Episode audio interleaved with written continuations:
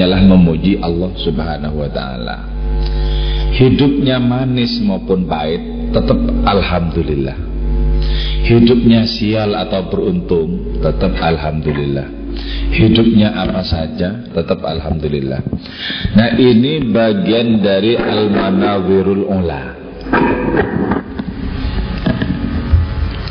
Bagian dari al-manazirul ula yang dihuni oleh orang-orang yang dekat kepada Allah Subhanahu wa taala. Kalau misalnya al-manazirul ula itu wujudnya tawakal ya. Maka orang bisa melampaui berbagai macam sarana berupa usaha-usaha. Jadi ikhtiar-ikhtiar itu dilampaui untuk sampai kepada tawakal yang sepenuhnya yang tanpa usaha. Jadi, apa ada model tawakal seperti itu? Ada di kalangan orang-orang yang kebersandaran hati mereka kepada Allah Ta'ala itu itu sangat kuat sehingga tidak sedikit pun bersandar kepada ikhtiar-ikhtiar. Dalam menurut orang yang sudah berada di makom ini, Taraktul iktisab iktifaan bimusabbibil asbab. Saya tinggalkan kerja, usaha, ikhtiar karena sudah percaya sepenuhnya bersandar kepada Allah pencipta segala ikhtiar. Jadi ini yang disebut dengan lompatan-lompatan spiritual, lompatan-lompatan rohani.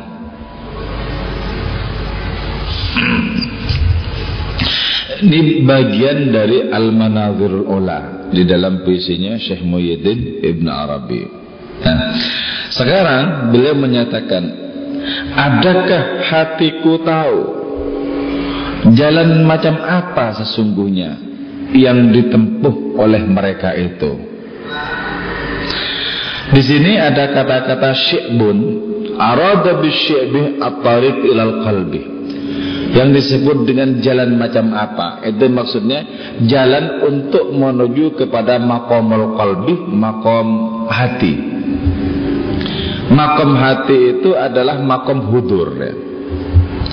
kalau kita sholat misalnya kita betul-betul merasakan berhadap-hadapan dengan Allah. Kita duduk seperti ini merasa berhadap-hadapan dengan Allah kita berada di perjalanan merasa berhadapan-hadapan dengan Allah maka makom kita disebut dengan makomul kolbi makomnya hati. Nah jalan menuju kepada makomnya hati itu disebut syibun. Disebut syibun. Kenapa? Li'anna syi'ab at-turuq fil jabal. Karena sesungguhnya syi'ab itu bermakna jalan yang menuju ke puncak gunung artinya puncak gunung hati. Sampai di makomul kolbi ini orang tidak pernah merasa jauh dari Allah. Sebab senantiasa hudur senantiasa berhadapan-hadapan dengan Allah. Orang ini rasanya dekat terus dengan Allah dan Allah dirasa begitu dekat dengan orang ini.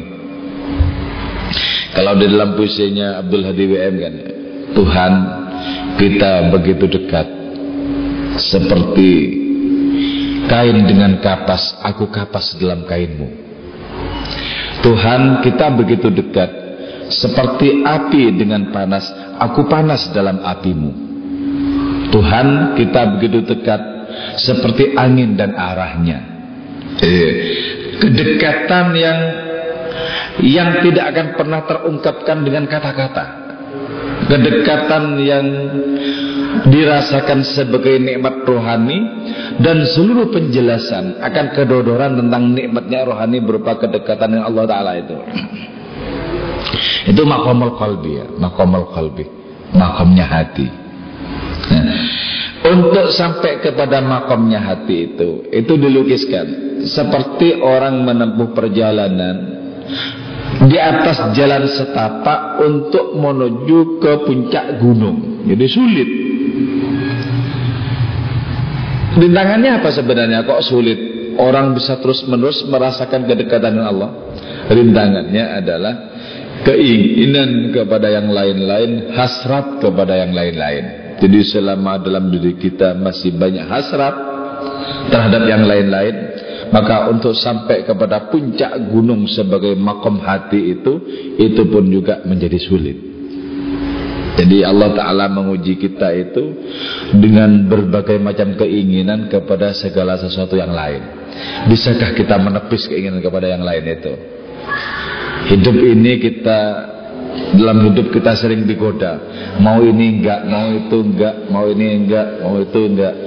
Mulai dari godaan berupa harta benda duniawi.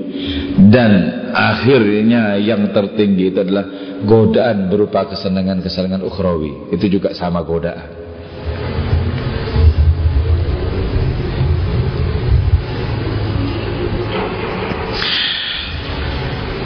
Lamma ghabat anni hadhil manazirul ula tara ayya tariqin li ba'di qulubil arifin alladhi salaku hadhihi turuq.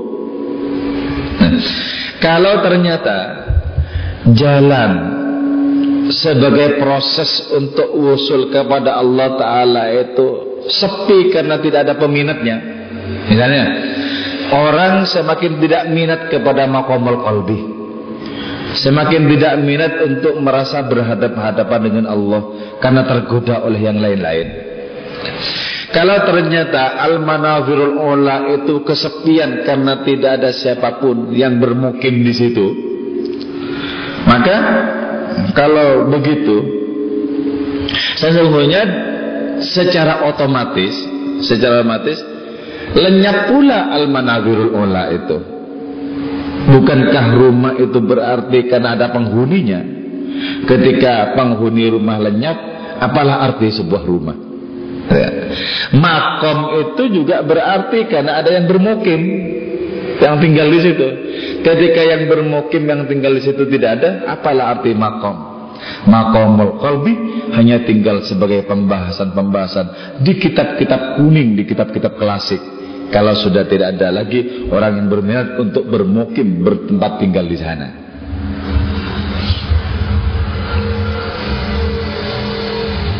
Nah, kenapa di sini ada spesifikasi penyebutan asy'ab atau jalan yang menuju ke puncak gunung itu. Nah, gunung itu simbol dari al-watadu thabit, yaitu pasak bumi yang kukuh. Karena itu ya di antara para aulia ada wali autat. Wali autat itu paku dari kehidupan yang andaikan tidak ada wali autat maka kehidupan ini akan menjadi goyah karena pakunya tidak ada. Sama seperti bumi ketika gunungnya tidak ada akan menjadi goyah. Dulu ketika pertama kali Allah menciptakan bumi itu, buminya goyang. Lantas Allah menciptakan gunung. Kemudian buminya ini diam, tenang. Malaikat bertanya kemudian, "Ya Allah," katanya, "apa ada yang lebih kuat dibandingkan dengan gunung?" katanya. Allah jawab, "Oh, ada yang lebih kuat dibandingkan dengan gunung itu ada." Apa itu ya Allah? Api. Jadi gunung itu bisa musnah oleh kekuatan api. Terus apa ada yang lebih kuat dibandingkan dengan api ya Allah? Ada. Apa itu? Angin. Karena angin itu juga bisa api itu bisa habis oleh angin yang kencang terus menerus. Terus apa ada yang bisa mengalahkan angin ya Allah? Ada. Keikhlasan hati seseorang yang murni semata-mata karena aku. Jadi ya, ternyata keikhlasan manusia betul-betul karena Allah Ta'ala itu lebih kukuh dibandingkan dengan gunung, lebih hebat dibandingkan dengan angin yang bertiup kencang dan hebat. Nah karena itu setan sekalipun itu takluk kepada orang yang hatinya tulus. Karena itu setan itu menyatakan semua hamba-hambamu akan saya sesatkan, ya Allah illa ibadaka minhumul mukhlasin kecuali hamba-hambamu yang betul-betul kau takdirkan, kau anugerahi keikhlasan. Itu nggak bisa digelincirkan. Setan seluruh dunia berkumpul bersatu padu menjadi satu, tidak akan pernah bisa menggelincirkan orang-orang yang hatinya ikhlas kepada Allah Subhanahu wa taala. Gak akan pernah bisa. Itulah sebabnya kenapa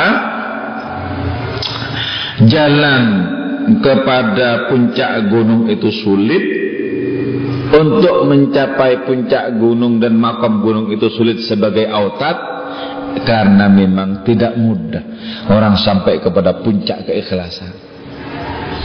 Keikhlasan kelas paling rendah ya adalah kita beramal untuk mendapatkan pahala untuk mendapatkan kesenangan dunia ini dan kesenangan akhirat nanti. Itu ikhlas tapi kelasnya kelas paling rendah. Jadi kalau kita beramal tekun sholat berjamaah biar dapat jodoh biar dapat rezeki yang banyak berbahagia bebas dari berbagai macam malapetaka ikhlas itu, itu. tapi kelasnya paling bawah sendiri. Terus yang kedua ikhlas yang kedua itu kita melakukan segala kebaikan. Tidak karena ingin mendapatkan apa yang kita inginkan bukan tapi karena kita paham tujuan kita satu-satunya itu cuma Gusti Allah. Sebagaimana awal kita cuma Gusti Allah akhir kita pun juga Gusti Allah. Karena itu tujuan yang hakiki bagi kita cuma Gusti Allah. Ya Allah ketika kami berjalan jadikanlah engkau sebagai satu-satunya tujuan kami. Ketika kami bertamu ya Allah jadilah engkau sebagai tuan rumah hingga kami bertamu kepadamu. Dan ketika kami menerima tamu-tamu ya Allah jadikanlah tamu-tamu itu adalah tajalli dari kehadiranmu hingga kami semata-mata menerima engkau belaka. Nah kalau sudah seperti itu orientasinya Mengerjakan apa saja sudah tidak berhadapan Sudah tidak lagi tergiur oleh iming-iming pahala Tak tergiur oleh iming-iming keberuntungan dunia dan akhirat Itu ikhlas yang lebih tinggi Ada ikhlas yang lebih tinggi lagi Yang terakhir tuh ikhlasnya para nabi, para wali ya. Yaitu ketika orang mengerjakan kebaikan orang ini terbebaskan dari keterlibatan dirinya sendiri. Orang mengerjakan kebaikan, orang menyaksikan Allah pada pekerjaan kebaikan itu. Orang mulai mengakui iktiraf bahwa al-fa'ilul hakiki wallah yang berbuat secara hakiki setiap kebaikan itu Allah pelakunya sebenarnya Allah nggak ada yang lain-lain. Orang mengerjakan apa, apa kebaikan Gusti Allah Orang itu semata dipakai oleh Allah untuk mengerjakan kebaikan-kebaikan itu. Ikhlas tertinggi. Ketika orang sudah mulai musyahadah menyaksikan keterlibatan Allah pada dirinya sendiri. Ada dua macam ayat. Yang pertama, wa fi anfusikum afala. Coba saksikan dirimu sendiri, apa kalian tidak bisa menyaksikan? Maksudnya, saksikanlah kehadiranku pada dirimu. Saksikanlah peran-peranku pada dirimu. Saksikanlah keterlibatanku pada dirimu. Afalatum sirun Jadi Allah menuntut kita Menyaksikan kehadirannya pada diri sendiri. Terus Yang kedua Sanurihim ayatina fil afaqi. Yang kedua Akan aku perlihatkan Tanda-tanda Kebesaranku fil afak di cakrawala. Jadi ada pada diri, ada di luar diri. Allah tampil dan berperan lewat diri, Allah tampil dan berperan lewat luar diri. Bukankah kalau demikian segala-galanya ini adalah Allah? Allah berpendar di mana-mana. Yang satu mewujud dalam ketak terhinggaan yang tanpa warna mewujud dalam warna-warna yang beraneka ragam. Engkau satu ya Allah muncul dalam ketak terhinggaan dan ketika kutatap ketak terhinggaan itu ternyata wujudnya adalah satu.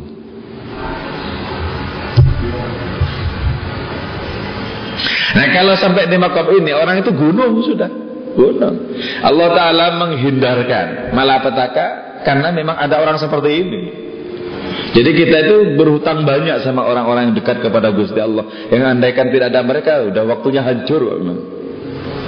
Jadi kalau sudah orang-orang gak gena, orang-orang gak beres itu, memang selayaknya dibanting. Cuman karena di situ ada orang yang mendekat kepada Allah, ada yang hatinya terus menerus tertegun kepada Gusti Allah, ada orang yang rohnya menyaksikan Gusti Allah, maka sesungguhnya karena keberadaan mereka, dunia ini masih bisa berlangsung hingga hari ini. Betapa banyak hutang jasa kita kepada para nabi, betapa banyak hutang jasa kita kepada para wali.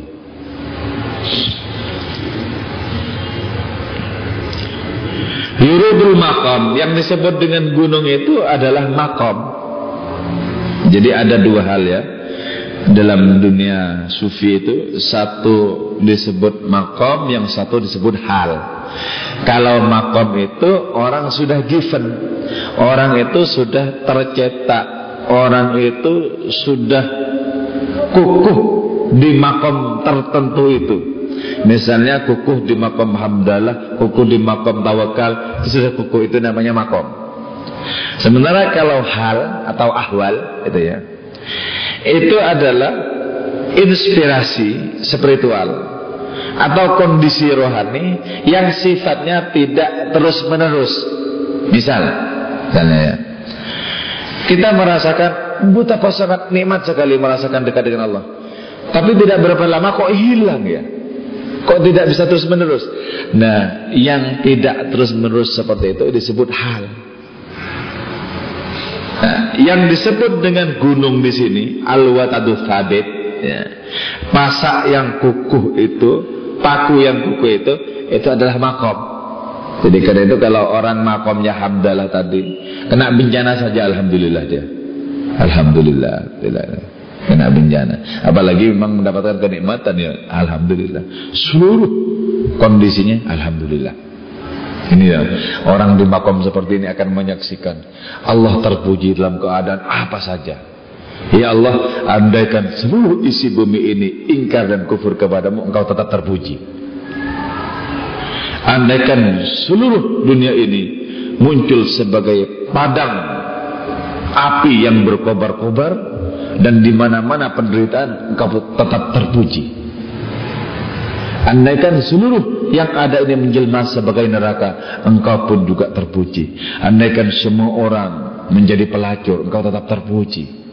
Eh, ini kalau orang sampai di makom hamdalah secara given itu begitu. Menyaksikan Allah yang terpuji dalam setiap keadaan. Karena itu dia tidak bisa mengucapkan yang lain. Jadi apa-apa, Alhamdulillah, Alhamdulillah. Bila jadi gak ada yang lain-lain. Jadi hatinya itu lebih luas dibandingkan alam semesta. Hatinya bahkan lebih luas dibandingkan dengan akhirat. Jadi itu hebat manusia itu ya. Kalau sudah dekat kepada Allah Taala, hatinya yang seolah-olah mikrokosmos itu ternyata menjadi makrokosmos dan menampung segala yang ada. Kata Syekh Abu Yazid Bustami begini, andaikan arsnya Allah jatuh ke dalam hatiku, Andaikan singgah sana Tuhanku itu jatuh dalam hatiku Hatiku masih sangat luas untuk bisa menampung apa saja yang ada. Jadi ini hebat. Itu yang diisyaratkan oleh Allah Ta'ala dalam hadis kutsinya Ma wasa'ani ardi wala samai. Bumi dan langit tidak bisa menampungku. Jadi terlalu ringkih langit dan bumi untuk bisa menampung Allah. Terlalu ringkih Terlalu sempit terlalu tak berdaya. Walakin yasa'uni qalbu abdil mu'min. Tapi hati hambaku yang betul-betul beriman tahqiq dalam beriman dia sanggup menampungku. Ini lebih luas ya. Jadi nabi kita itu makrokosmos itu alam semesta tenggelam dalam diri nabi loh. Kalau cuma samudra di alam raya ini tenggelam di hati para wali seperti setetes embun di pagi hari Gak ada lalanya. Jadi jangan terlalu hebat memandang alam ini. Banyak yang lebih hebat. Kekasih-kasih Allah Ta'ala bisa menampung segala-galanya. Rahasia-rahasia Allah tertampung di hati para kekasih Allah. Yang tak akan pernah bisa tertampung di hati alam raya. Betapa sesungguhnya Allah itu adalah panorama yang keindahannya tidak akan pernah selesai untuk dibaca dan dinikmati. Karena itu kalau Maulana Rumi ya Allah Kadang ku sebut engkau sebagai kebun katanya. Kadang ku sebut engkau sebagai purnama. Kadang ku sebut engkau sebagai senja. Kadang ku panggil engkau sebagai pantai. Ku panggil engkau ya Allah Dengan sebutan apa saja yang terindah. Dan itu tidak mewakili kemahaindahanmu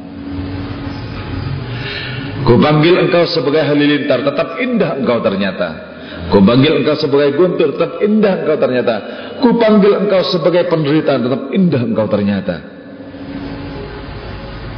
Ketika orang ini merasakan dan menarik kesimpulan di Allah, engkau tidak saja sebagai sumber karunia, engkau juga yang merupakan sumber malapetaka. Tetap aja malapetaka keindahan itu sendiri. Jadi kalau sampai hidup ini kontradiktif tuh ya, ada sedih, ada senang, tangis, tawan semacamnya. Itu paling permukaan itu. Selamilah kepada samudra terdalam. Maka sesungguhnya tangis dan senyuman itu adalah tipuan belaka. Jadi kalau orang isi hidupnya tangis dan senyuman itu seperti pingpong dipingpong oleh keadaan hidupnya sendiri. Kasih ini senyum, diambil itunya nangis, kan anak kecil ya. Kasih mobil-mobilan senyum, ambil lagi nangis. Gitu. Hanya ketika orang memiliki Allah, dia tidak akan pernah merasa kehilangan dan tidak akan melonjak-lonjak karena mendapatkan apa pun yang lain.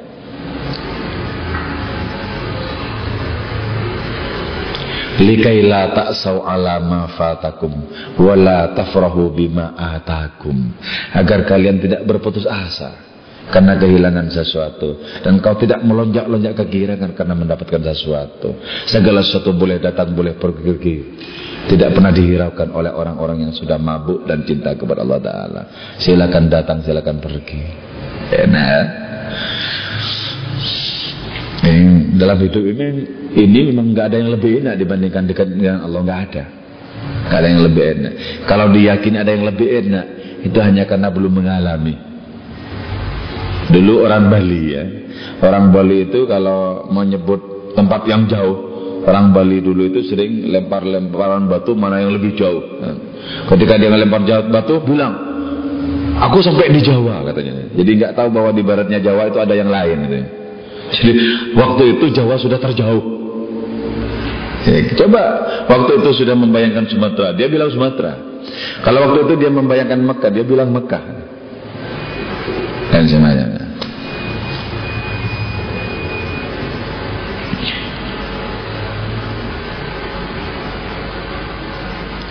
وإذا نصب إليها الثبات والدوام فلتواليها لا غير على القلوب jadi ketika al-manazirul ula itu panorama-panorama keilahian yang indah itu senantiasa dihuni oleh orang-orang yang dekat kepada Allah Subhanahu wa taala maka itu pasti dialami oleh hati-hati orang yang suci yang bersih.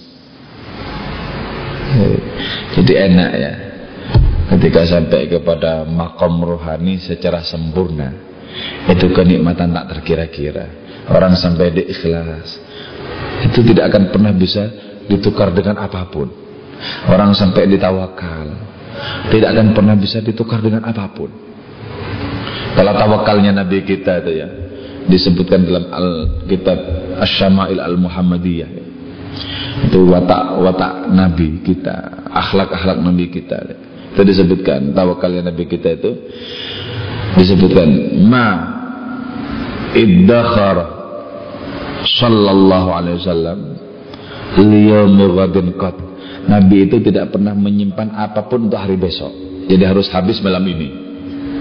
Apakah itu uang atau makanan? Ini sesuatu yang sangat sulit untuk ditiru oleh kita umatnya. Apa ada yang berani? Oh itu kelasnya Abu Bakar Siddiq mungkin ya. Jadi coba, wong kita itu umat Nabi rata-rata tentram kalau tabungannya banyak kok. Kalau Nabi itu nggak tentram kalau ada yang ditabung nggak tentram. Ah, ini ini cuman menghambat perjalanan rohaniku saja. Cari Nabi, cari orang untuk disedekahkan.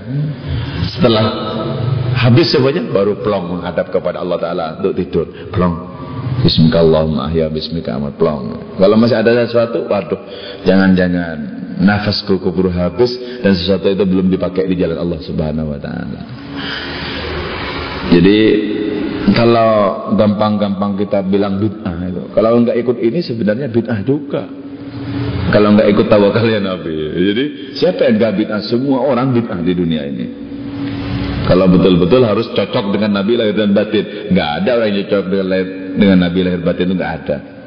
Oh, kita cuma meraba-raba, kita mencoba untuk bisa menggapai secuil dari wangi rohani Nabi kita.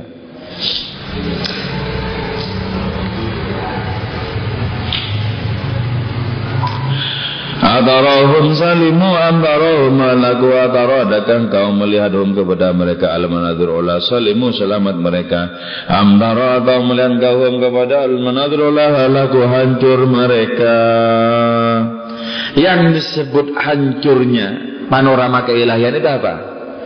Panorama keilahian itu disebut hancur Kalau sudah tidak ada peminatnya lagi Misalnya ya makamat di dalam tasawuf misalnya. Sudah tidak ada peminatnya. Misalnya makam taubat misalnya. Sudah tidak ada peminatnya. Tidak ada orang yang betul-betul mau bertaubat. Membebaskan diri dari segala sesuatu yang lain. Itu tidak ada. Maka itulah hancurnya makam taubat. Kenapa? Sudah tidak laku. Kita disebutkan ini kalau di sini disebutkan, apakah engkau melihat mereka panorama keilahian itu selamat atau hancur. Kalau selamat berarti di situ masih ada peminatnya. Jadi ada sembilan makom di dalam tasawuf itu yang diawali dengan taubat. Ya. Nah taubat itu itu dihuni oleh seseorang tidak terutama dengan ungkapan astagfirullahaladzim bukan karena itu kalau Rabbi Adawiyah ya Allah saya mohon ampun kepadamu dari tidak seriusnya saya mohon ampun kepadamu jadi ternyata taubat itu, istighfar itu perlu diistighfari pula. Siapa tahu main-main itu loh. Pratenanan. Buktinya apa? Buktinya sering kepergok lagi, terperosok lagi kepada dosa yang diulang-ulang. Jadi bukankah sesungguhnya kadang di antara kita itu langganan dosa-dosa tertentu gitu ya. Jadi kita ingin untuk mengulang-ulang lagi. Buka macam-macam-macam, buka gambar-gambar kemarin tutup. Ah kok kayaknya pengen dibuka lagi dibuka lagi. Jadi itu dosa nikmat yang sudah kedung diulang-ulang. Nah itu lebih sulit bertaubatnya itu kalau sudah enak itu. Sebab kita sudah bersekongkol tuh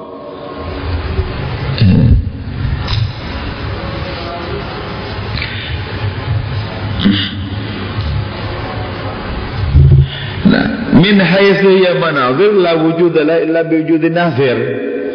Panorama itu disebut ada karena ada yang menikmati. Ketika yang menikmati itu sudah minggir sudah tidak ada lagi panorama sama dengan tidak ada. Sama makom itu ada karena ada yang bermukim. Kalau yang bermukim tidak ada makom itu pun juga tidak ada. Jadi taubat disebut ada ikhlas tawakal disebut ada hub atau cinta disebut ada itu kalau ada orang yang mengalami di situ. Kalau yang mengalami sudah tidak ada, maka sama saja. Sebagaimana disabdakan oleh Nabi, akan datang suatu zaman di mana Al-Quran tinggal tulisannya. Ya kan? Artinya apa? Sudah nggak ada pengamalnya. Jangankan pengamalnya yang membaca aja makin kurang.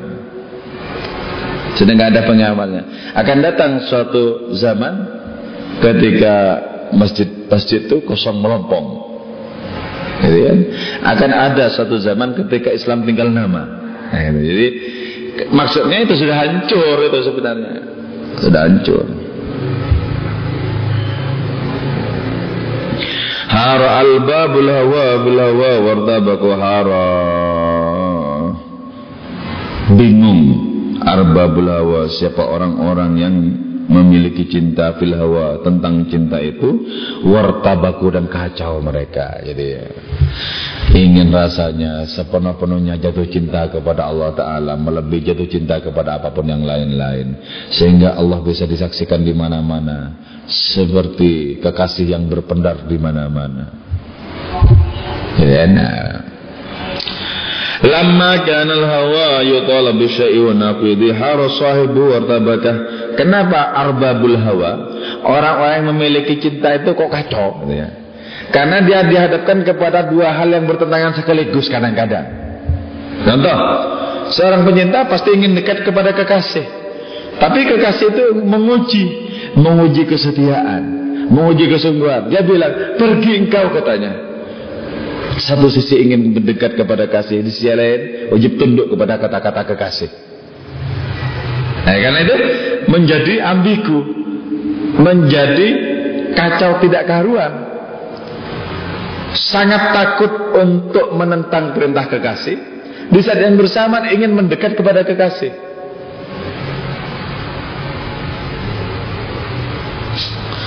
Ini ya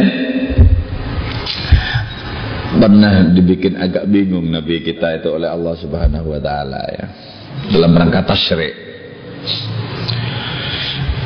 Dulu Zaid bin Haritha itu menikahi Zainab binti Jahshin ya. Menikahi Zainab binti Jahshin. Sementara Zaid ini Zaid bin Haritha ini ini anak angkat Nabi. Dulu pernah Nabi itu menyebutnya Zaid bin Muhammad. Tapi kemudian muncul ayat yang memberikan kritik. Ud'uhum li'abaihim. Panggillah mereka itu dengan disandarkan kepada bapak-bapak mereka. Jadi kalau bapaknya itu Haritha ya panggil Zaid bin Haritha bukan Zaid bin Muhammad. Kan? Akhirnya dirubah jadi Zaid bin Haritha. Nah ini kan menikahi Zainab binti Jashin ini. Zainab binti Jashin ini masih sepupu Nabi sendiri. Karena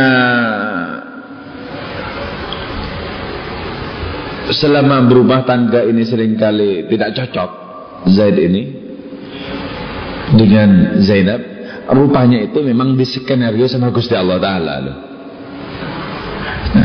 Falamma qada zaidun minha wa qaran zawajnakaha. Itu kata sebuah ayat. Setelah Zaid merasa sudah selesai sudah berakhir semestinya pernikahannya dengan Zainab zawajnakaha maka kunikahkan kau Muhammad ha terhadap itu Zainab kan itu. Karena itu Zainab itu walaupun tidak begitu cantik tapi dia paling bangga. Kenapa? Dia bilang nah kalau kalian istri Nabi yang lain Aisyah Hafsah katanya kan dinikahkan sama bapak-bapak kalian. Nah kalau saya langsung Allah ya. ada ayatnya. Jadi jadi karena itu paling bangga Zainab. Kan langsung dinikahkan dari balik langit ketujuh. Zawajnakaha ya. Nah ini sangat terpukul Nabi ini. Kenapa Nabi itu berpikiran waduh gimana ini? Masa bakar makan tanaman ya?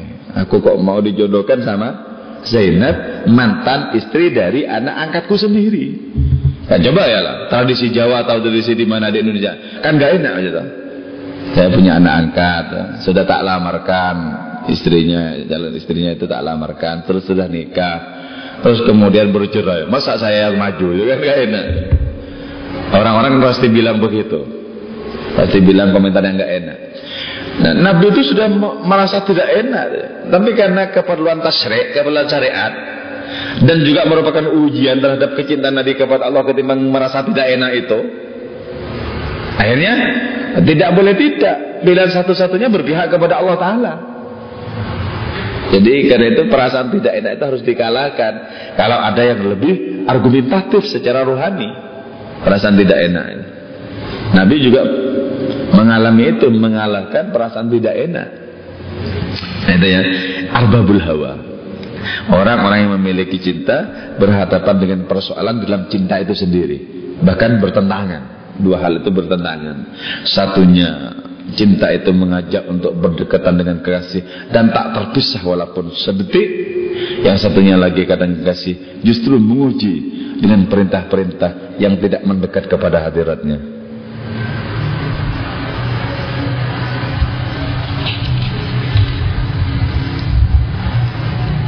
Karena itu faida arad al hajrah faqabtul muhibbu sahibul kalau kekasih menghendaki untuk mengusir si pecinta, si pecinta ini berhadapan dengan dua keadaan yang tidak mengenakkan.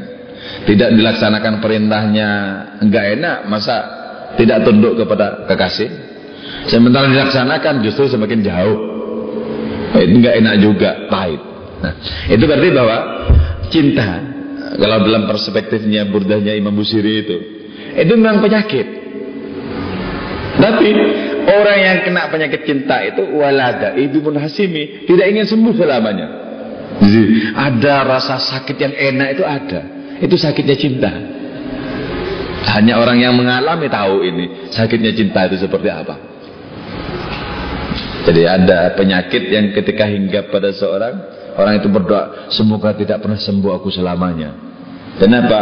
Karena obatnya adalah penyakit itu sendiri. Sementara penyakit itu sendiri adalah obatnya. Naam sara taifu man ahwa fa'arraqani wal hubbu ya'taridul ladzati bil alami. Naam ya. Sara taifu man ahwa memang melintas bayang-bayang orang yang aku cintai Fa'arraqani maka membuatku tidak bisa tidur Tidak bisa tidur sepanjang malam Bayang-bayang yang melintas Gak bisa tidur sepanjang malam Betul-betul panas cinta itu ya Membuat tidak bisa tidur Jadi kalau orang ngantuk-ngantuk nggak bakal untuk bercinta Ngantuk, nggak bakat. Masa ngapelin kekasih malam minggu terkantuk-kantuk di ruang tamu itu harus diusir ya. Karena itu tidak punya cinta. Orang punya cinta itu pasti jauh dari kantuk. Jadi gini, tegar terus pecinta. Sebab cinta itu memiliki energi berlipat-lipat dibandingkan dengan apa pun yang lain. Wal yang ladzat bil alami. Cinta itu memang menukar segala kenikmatan dengan penderitaan. Tapi itulah penderitaan paling transenden. Ya, enak kalau penderitaan tapi transenden, penderitaan tapi sifatnya keilahian. Enak. Itulah sebabnya kenapa Nabi Ayub itu sakit 20 tahun, selama 20 tahun tidak pernah berdoa untuk sembuh. Tidak berdoa untuk sembuh. Kenapa? Itu bagian dari permainan cinta dengan Allah Ta'ala. Tidak pernah berdoa. Tanya sama umatnya. Jenengan kan Nabi toh Nabi Ayub. Kalau berdoa kan pasti terkabul. Kok nggak berdoa untuk sembuh katanya? Nabi Ayub bilang belum ada perintah untuk berdoa agar sembuh. Jadi nunggu perintah itu. Jadi kalau seorang kekasih perintah kepada pecintanya lompat, pasti melompat dia. Kalau masih pikir-pikir, itu belum kekasih. itu Syekh Dinun Al-Misri itu punya dua santri sama-sama Ahmad ya.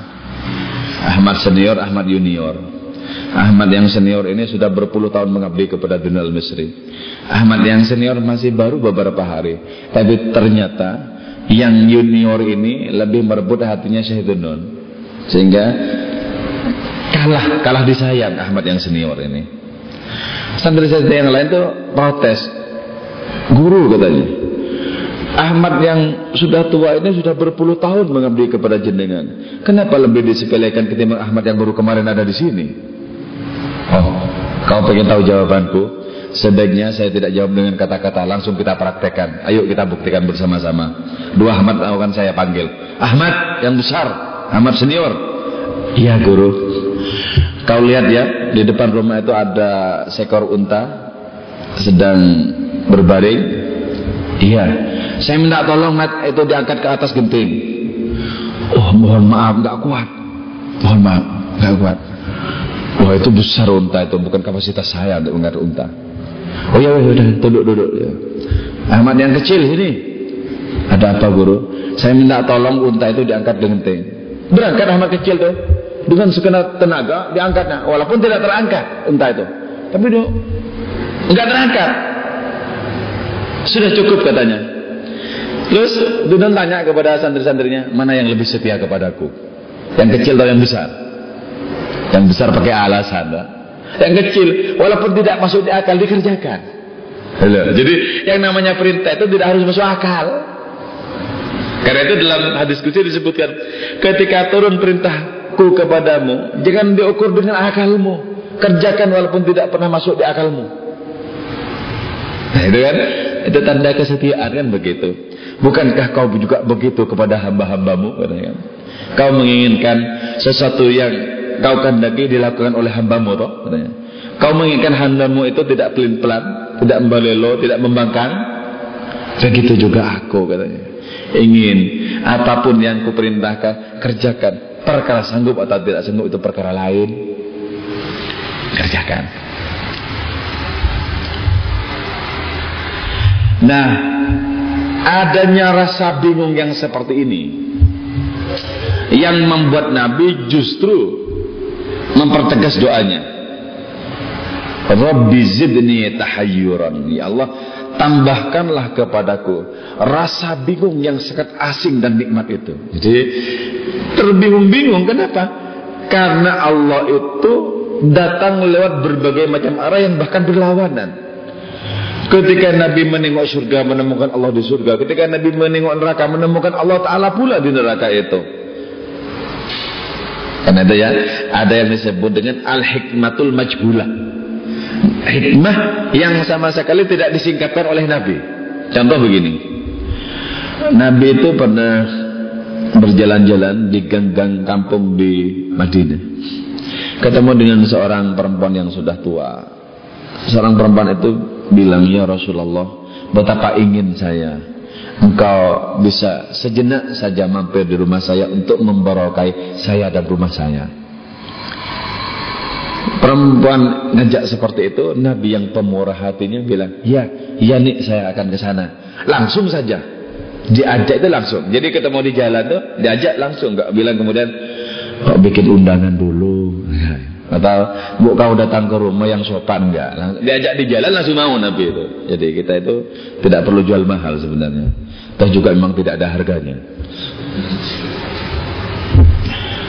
Langsung nah, nyampe di rumah si perempuan tua ini sini ini ini ini itu. Di situ ada api berkobar-kobar. Di dalam rumahnya itu ada api berkobar-kobar. Di sekeliling api itu anak cucunya si nenek ini loh lagi berkejar-kejaran di sekitar api itu loh berkejar-kejaran seneng seperti anak-anak pramuka bermain di sekitar api unggul nenek ini kemudian tanya Rasulullah katanya apakah aku lebih belas kepada anak-anakku atau Allah kepada hamba-hambanya mana yang lebih belas katanya ya Nabi jawab ya pasti Allah lebih belas kepada hamba-hambanya Sebab Allah itu arhamur rahimin. Satu pertanyaan lagi Rasulullah. Ya silakan. Apa jenengan kira saya ini tega melemparkan anak saya ke kobaran api ini katanya. Bukan api neraka ke api ini. Diam Rasulullah. Hakadha uhya ilayya jawabannya. Demikianlah sudah diwahyukan kepadaku. Kan kalau misalnya ya Rasulullah menjawab misalnya. Ya jenengan nih kan pasti nggak tega melemparkan anak-anak jenengan cucu-cucunya kepada api ini. Nah, kan kalau ditanya, kalau saya saja tidak tega, apa Allah kok tega masukkan ke neraka kayak gimana? Coba. ini yang disebut dengan al-hikmatul majhulah lah ya. Jadi Rasulullah sendiri mengalami, tapi ketika dijelaskan tak mungkin bisa tertampung di akal umatnya. Maka ada kemudian di antara para aulia yang dikasih rahasia-rahasia di antaranya adalah Syekh Ibrahim bin Abdul Karim Al-Jili yang menulis kitab Al-Insanul Kamil fi Ma'rifatil Awakhir wal Awail. Dia bilang, di neraka itu ada orang yang lebih mulia dibandingkan dengan kebanyakan orang di surga. Kenapa? Kok seperti itu katanya? Li'annahu mahallu nadhrillah finnar. Karena orang ini menjadi fokus perhatian Allah Ta'ala di neraka. Jadi semacam ketuanya gitu ya. ya. Nah, ini kata Syekh Abdul Qadir Jeli lebih mulia ketimbang orang kebanyakan di surga. Kenapa? Karena orang ini bisa berkomunikasi dengan Allah Taala dalam suasana panasnya neraka. Jadi orang ini nikmat berkomunikasi hingga azab dan kesengsaraan neraka itu tidak dirasakan. Bukankah kalau orang ketemu Allah di mana-mana akan hilang segala penderitaan? Ya. Karena itu kalau para sufi bilang, ya Allah, andaikan aku masuk surga dan terhalang untuk menatap wajahmu, maka aku tolak surga. Dan andaikan kau ceburkan aku neraka, engkau memberikan kesempatan kepadaku untuk bercumbu rayu di situ, maka aku pintah neraka kepadamu. Berarti apa? Surga paling surga adalah dekat dengan Allah, neraka paling neraka itu adalah jauh dari Allah. Jadi kalau di dunia ini kita jauh, lalai dari Allah Taala itu sudah neraka, nggak nunggu di akhirat. Tapi kalau dunia ini sudah kita senang berdekat-dekat dengan Allah, itu sudah surga, tidak usah nunggu di akhirat. Ini disebut dengan jannatan dua surga. Surga dunia, surga akhirat. Itu yang disebut hairah ya atau kebingungan. Fahadhihi al-hairah allati lazimat hawa wa tasafa bi kullu man ittasafa bil hawa. Ya, ini yang disebut dengan kebingungan itu. Nabi kita itu kan Habibullah kekasih Allah. Kekasih Allah taala. Pastilah juga orang yang paling mencintai Allah. Maka pasti pula rasa kebingungan yang transenden itu paling besar dirasakan oleh beliau. Oh Nabi itu tahu kok sebenarnya Abu Jahal Bulab itu nggak akan masuk Islam. Tahu. Tidak tahu.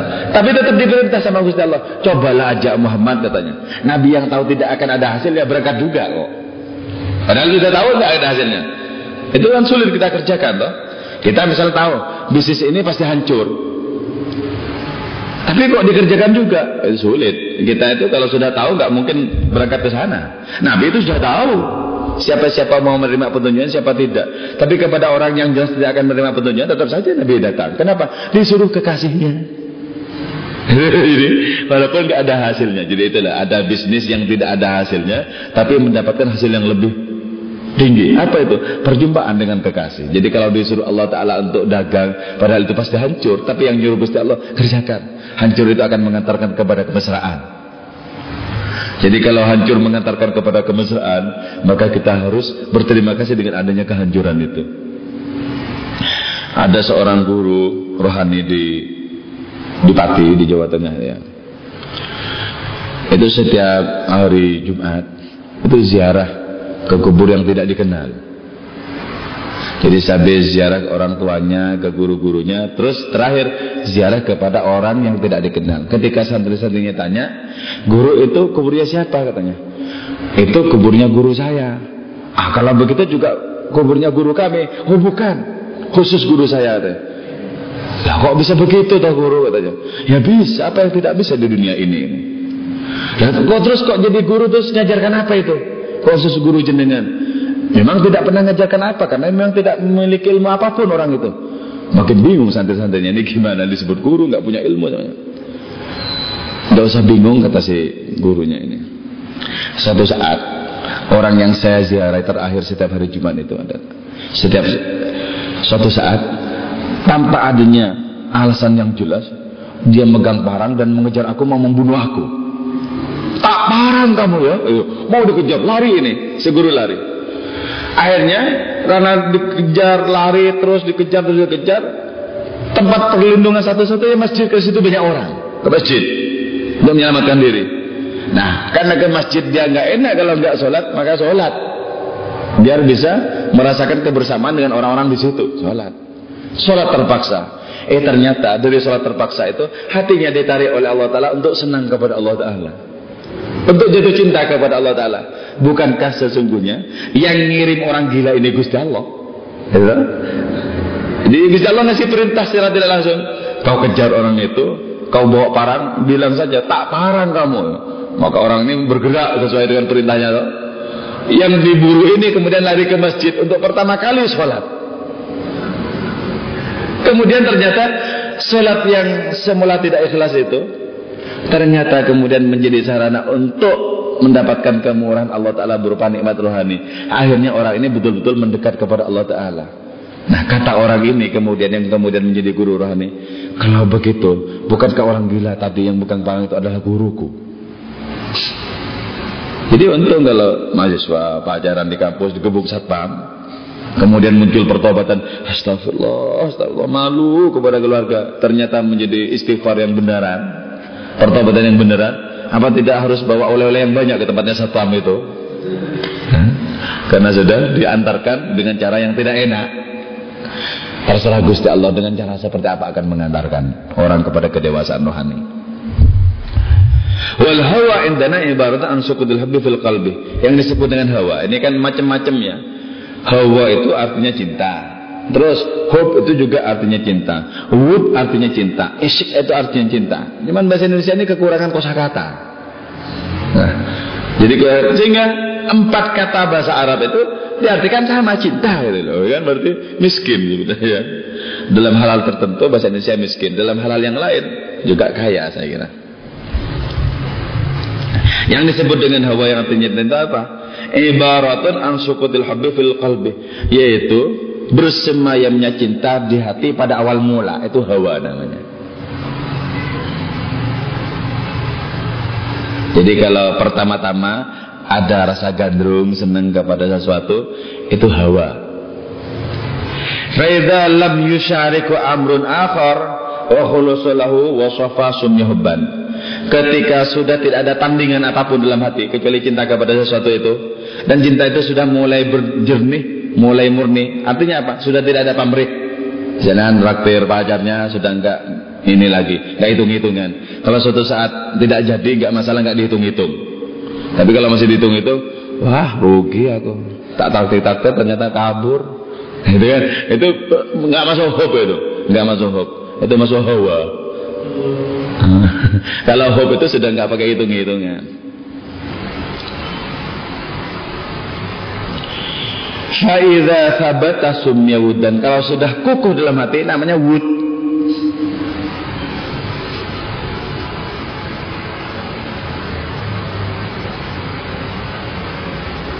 Kalau sudah kukuh dalam hati namanya wud. Faiza anaqal qalbul asya wal khawatir lam yabqa fi syai'un illa ta'alluqal qalbi sumya iskan. Jadi kalau sudah memeluk hati, mencengkeram hati sekuat-kuatnya, seluruh jiwa, seluruh sukma, ruh itu semuanya dicengkram oleh adanya keinginan yang kuat itu, itu namanya isyik. Jadi isyik itu tertinggi. Asyik masuk gitu. Nah pertanyaannya kalau begitu, lah kenapa? Kok Nabi itu sebutannya Habibullah kok tidak Asyikullah? Ya, ya. Itu Nabi disebut Habibullah, ya. disebut Habibullah itu diletakkan di situ agar bisa menjadi teladan bagi umatnya. Sebab untuk disebut isyikullah begitu sulitnya, begitu sulitnya. Nabi sudah melampaui segala-galanya, walaupun di situ sebutannya Habibullah. Nah, isyik itu minal isyki. Apa isyik itu? Al-lablab al-mutasyawwika. Itu bunga bakung yang berduri. Jadi memang cinta itu wajib ada durinya. Kalau nggak ada durinya bukan cinta. Jadi harus ada ngeri-ngerinya itu loh. Ada ngeri-ngerinya. Coba betapa cinta para nabi kepada Allah kan ngeri-ngeri semua itu kan. Cintanya Nabi Yunus kepada Allah harus dibuktikan dengan dilemparkan ke lautan untuk kemudian ditelan oleh ikan.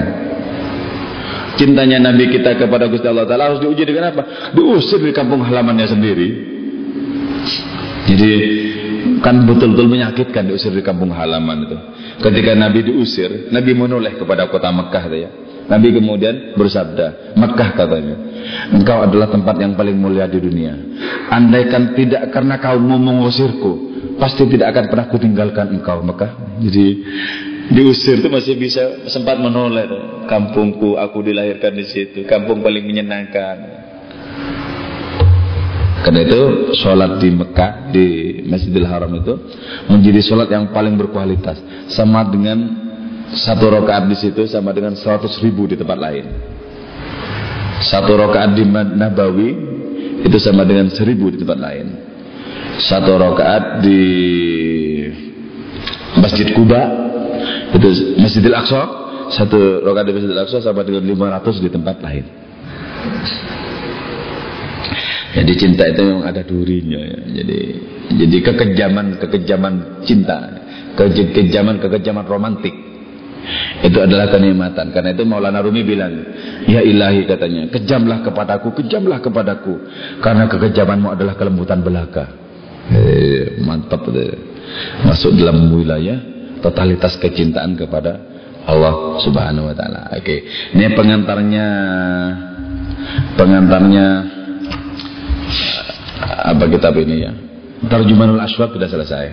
Besok kita minggu tahun apa tahun depan ya tahun depan kita masuk kepada isinya itu kepada puisi-puisi itu Askifatun min biladir Rum itu seorang uskup dari dari negeri Romawi.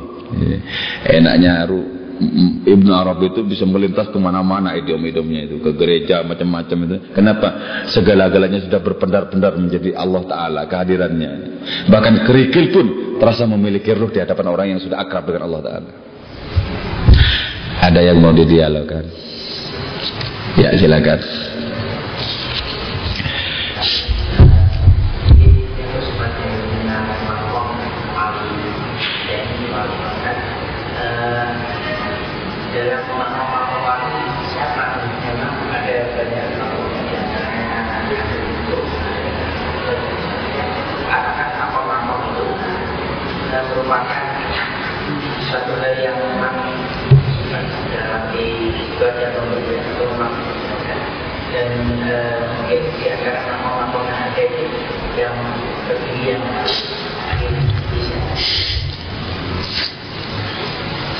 Kalau yang tertinggi ya kutub itu. Kutub itu satu di dunia. Setiap kali wafat ada gantinya. Di bawah kutub persis itu ada imamani, yaitu dua waliullah, pendamping wali kutub kanan dan kiri. Jadi kalau wali kutub itu wafat, nanti yang kiri ini naik, yang kanan pindah kiri, terus yang sebelah kanan yang kosong itu diambilkan dari wali autad. Nanti yang wali autad yang kosong diambilkan dari wali abdal. Nah, tertinggi itu kutub. Kutub itu makhluk naturillah fil alam ya. Disebut kutub itu kenapa? Karena al-qutbul ladzi yaduru alai aflakul wujud. Itu menjadi poros alam raya. Jadi kalau wali kutub itu ya kalau mau mengadu dua gunung dua itu bisa loh. Kenapa? Segala-galanya itu diletakkan di bawah titahnya oleh Allah Ta'ala. Bahkan setetes air hujan turun itu karena izinnya. Memang dimandatkan ke situ, bukan bukan jadi Tuhan dia ya, dimandatkan oleh Allah Taala ke situ. Itu yang disebut dengan kutub. Poros yang diputari oleh seluruh alam raya. Karena itu dulu pernah ada wali kutub dari Jawa. Itu naik haji di sana tetap menggunakan belangkon tradisi Jawa. Jadi orang-orang Arab itu terkagum-kagum dengan jenis kopiah yang antik gitu ya. Ini apa? Ini apa kan? Dalam kondisi pikiran si bolehnya ini, belangkonya dipegang-pegang seret, di pinggir, di pinggir. Ketika dimiringin ternyata buminya miring. Uh, belangkon ini hebat banget ya. Miring ke sini, miring juga. Wah, itu oleh kutub. Kutub-kutub itu artinya poros ya. Artinya poros. Tapi gini, tidak semua kekasih Allah Ta'ala itu terpantau oleh wali kutub. Tidak. Ada namanya wali-wali afrod. Afrod itu dari fardun, fardun itu artinya unik. Ya. Wali afrod ini sengaja disembunyikan oleh Allah Ta'ala agar tak terpantau bahkan oleh wali kutub sekalipun. Jadi kan kalau wali-wali yang lain kan bisa terpantau oleh wali kutub ini kan. Ini ini ini pos-posnya di sini di sini siapa saja kan ngerti. Kan itu kalau Abu Hasan Syabili ketika wali kutub, jadi wali kutub mengatakan, andaikan tidak dilalang oleh syariat, saya bisa menceritakan segala kejadian dari awal mula sampai di akhirat kelak. Jadi bisa ilmunya itu semuanya sudah dicakup ilmu seluruh alam raya ini ya, dicakup. Tidak hanya ilmu-ilmu di kampus-kampus ilmu-ilmu yang di luar kampus itu. Jadi tidak. Kalau cuma semiotika, hermeneutika kecil itu, filsafat kecil banget itu. Kecil banget. Di hadapan wali kutub kecil banget. Oh, ilmu masa silam, ilmu yang akan datang. Ribuan tahun yang silam, ribuan tahun yang akan datang berarti cakup.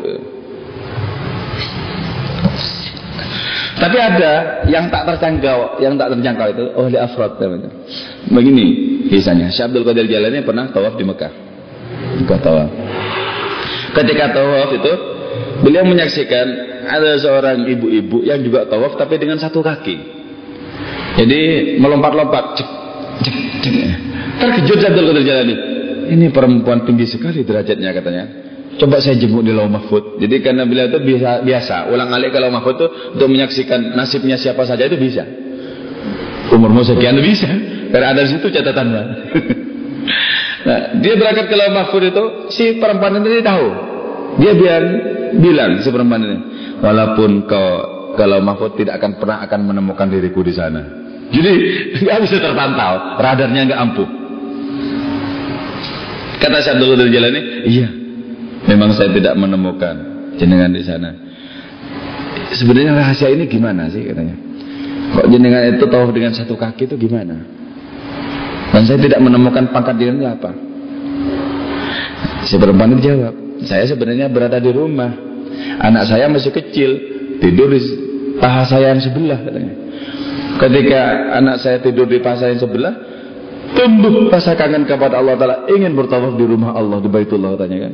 Maka saya berangkat dengan se paha sebelah dengan kaki sebelah, yang sebelah saya tinggalkan di rumah.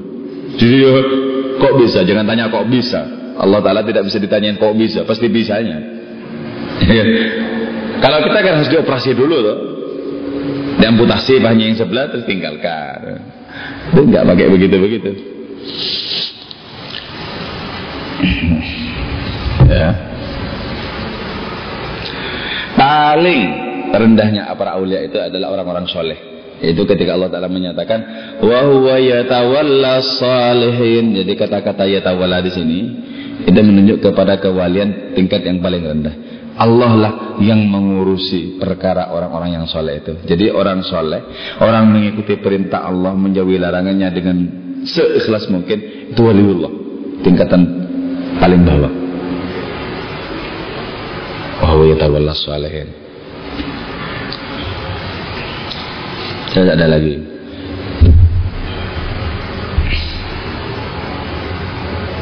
Kalau layak riful wali ilal wali itu ya, itu bisa tidak berlaku secara keseluruhan.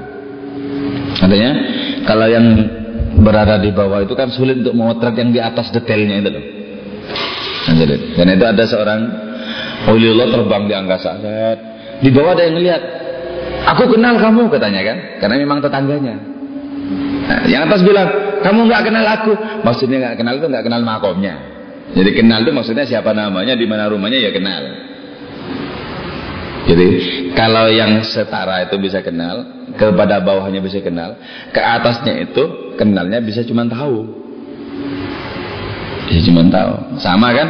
Seperti kita baca buku kemudian kita diskusi kan? Kan kita bisa mengukur, oh bacaannya orang ini sampai di sini. Oh yang ini lebih tinggi. Kan bisa mengukur toh? Nah itu loh seperti itu kira-kira. Tapi kalau yang di atasnya kan kita tidak bisa membaca. Apa mungkin dia baca di atasnya lagi? Cuman karena diskusi seperti ini yang ngomong cuma sampai situ tingkatannya ya. Kan gitu. Mungkin kalau diskusinya lebih temanya lebih tinggi lagi, mungkin dia lebih tinggi lagi juga ngomong kan gitu.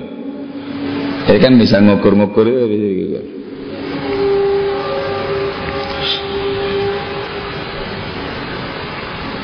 Udah ya?